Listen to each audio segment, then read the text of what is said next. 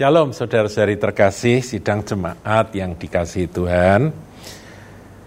Kita akan membaca satu ayat di dalam 1 Yohanes 3 ayatnya yang ke-22. Demikian bunyi firman Tuhan.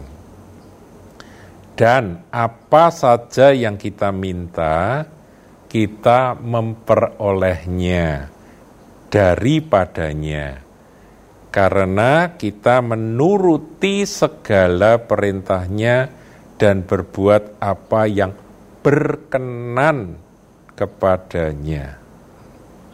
Saudaraku, ini firman Tuhan luar biasa. Jadi apa saja yang kita minta, kita akan memperoleh daripadanya.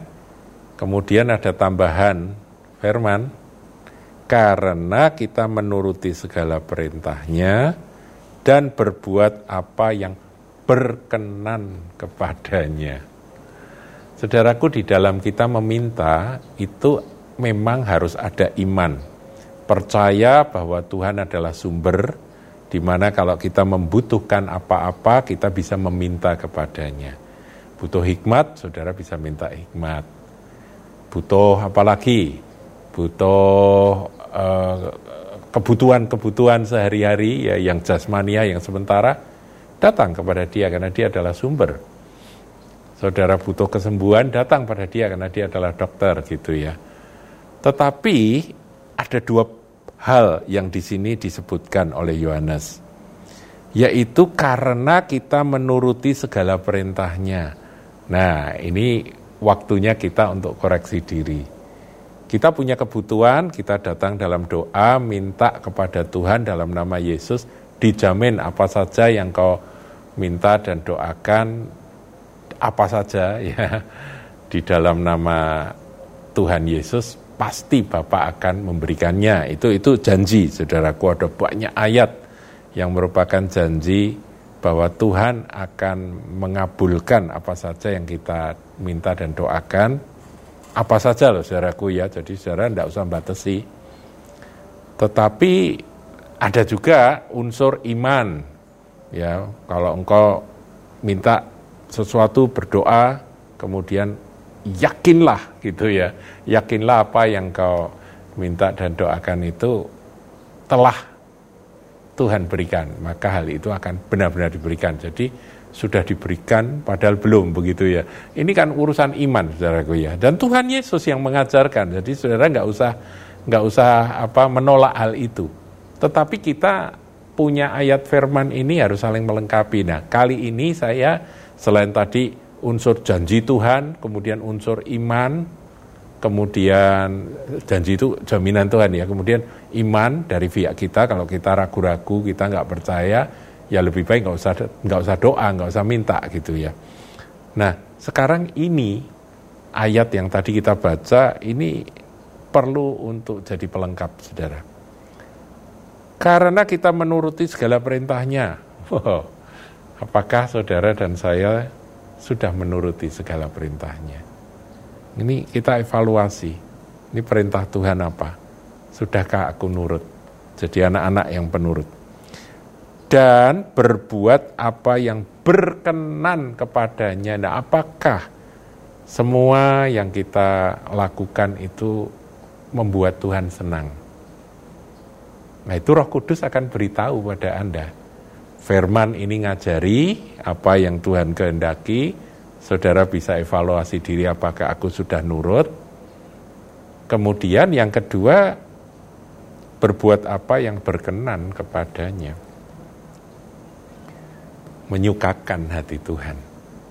Ini penting, saudara. Nah, kalau dua syarat itu ada di dalam hidup kita, maka apa saja yang kita minta kita memperoleh daripadanya.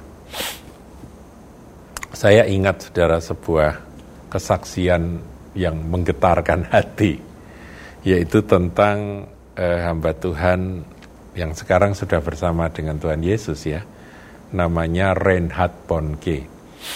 Dia adalah seorang penginjil terbesar, saudara, di akhir zaman, di penghujung zaman, karena dia dipanggil oleh Tuhan untuk uh, memberitakan Injil di Afrika, di benua orang-orang kulit hitam dan luar biasa sampai puluhan juta ya 72 juta kalau tidak salah tercatat orang-orang yang menerima Yesus oleh pelayanan dari Reinhard Bonke selama beberapa dekade. Nah hamba Tuhan ini bersaksi pada suatu kali saya dia membutuhkan uang.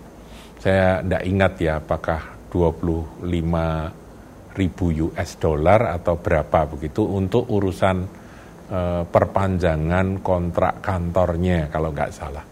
Dia benar-benar butuh uang itu, ini awal-awal dari pelayanan beliau. Dia berdoa, berdoa, berdoa, berdoa, berdoa, dan tiba-tiba dia mendengar suara dari Tuhan. Tuhan bertanya seperti ini, Reinhard, kalau aku memberi kepadamu satu juta US dollar, kamu mau terima atau enggak? Dia mintanya, ya kalau enggak salah itu 25 ribu US dollar. Tapi Tuhan berkata, kalau aku kasih kamu satu juta US dollar, bagaimana? Tiba-tiba saudaraku, ya ini dalam kesaksian Reinhard Bonnke, dia tersungkur, dia menangis di hadapan Tuhan, dan dia berkata, Tuhan aku nggak mau satu juta US dollar. Yang aku mau adalah satu juta jiwa orang-orang yang belum mengenal engkau diselamatkan. Udah, saudaraku, peristiwanya seperti itu. Dia betul-betul berseru di hadapan Tuhan ketika Tuhan nawari satu juta US dollar, dan dia berkata, enggak, Aku minta satu juta jiwa. Nah, apa yang dilakukan oleh Renhat di dalam doanya itu? Dia sedang bergumul, butuh duit, Tuhan mau kasih, tapi Tuhan nawarinya bukan, ya yang kamu minta aku akan kasih, enggak. Satu juta US suatu angka yang sangat besar pada waktu itu. Dia berkenan di hati Tuhan hatinya itu pas tepat persis dengan hatinya Tuhan. Nyatu dengan hatinya Tuhan. Apa yang jadi kehendak Tuhan ada di dalam dirinya. Keinginan Tuhan ada di dalam dirinya. Dan ketika itu didoakan, Tuhan menggenapi. Kita tahu, saudaraku, dalam kesaksian menjelang akhir dari pelayanan Reinhard Bonke, hamba Tuhan ini, pernah tercatat lebih dari 2 juta jiwa dalam sekali KKR. Dan pernah tercatat dalam satu kali KKR, ya kebangunan rohani revival yang dia selenggarakan, itu 1,1 juta jiwa terima Yesus. Itu sebuah bukti tentang apa yang menjadi kerinduan hatinya dan doanya. Suatu doa yang sepertinya mustahil, saudaraku. Mana mungkin dalam satu KKR 1,1 juta jiwa terima Yesus dalam uh, surat keputusan. Dan ternyata benar. Nah, ini sebuah contoh, saudaraku. Apa pun yang Anda minta, yang saya minta, kalau itu klop dengan hatinya Tuhan Yesus, itu tidak ada yang mustahil. Tapi kadang-kadang harus melalui ujian seperti yang tadi. Tuhan bertanya, kalau kamu aku kasih satu juta US dollar, mau atau tidak? Saudaraku, mari kita bertobat dan bertobat. Kita tak selalu datang pada Tuhan. Tuhan, kalau ada yang nggak beres di dalam hatiku, Tuhan ampuni. Jadikan hatiku ini semakin murni. Dan semua kerinduan, keinginanku, biar kiranya itu segaris dengan keinginanmu ya Tuhan. Satu, satu, menyatu dengan keinginanmu. Itu aja yang kita minta menjadi dasar dari semua eh, apa yang kita rindukan dan kita harapkan dalam hidup ini. Nah, satu hal, saudaraku, ini sedikit-sedikit menyimpang. Di dalam Tuhan itu akhirnya memberikan satu juta jiwa ya dalam sekali KKR. Itu kan kan cuma suatu kejutan, saudara. Padahal dalam KKR-KKR yang ber, berpuluh tahun dia selenggarakan di Afrika, itu sampai di atas 70 juta. Semua yang terima Yesus. Itu sudah sudah menjawab apa yang menjadi kerinduan Reinhard Bonke berlimpah-limpah. Dia mintanya satu juta, Tuhan kasih sampai 70 juta lebih. Nah, tapi ini ini ini penting saudara untuk Anda juga pahami. Ketika dia KKR sampai ada 2 juta lebih terkumpul dalam suatu suatu tempat, satu lokasi yang sangat luas, itu biayanya kira-kira berapa menurut Anda?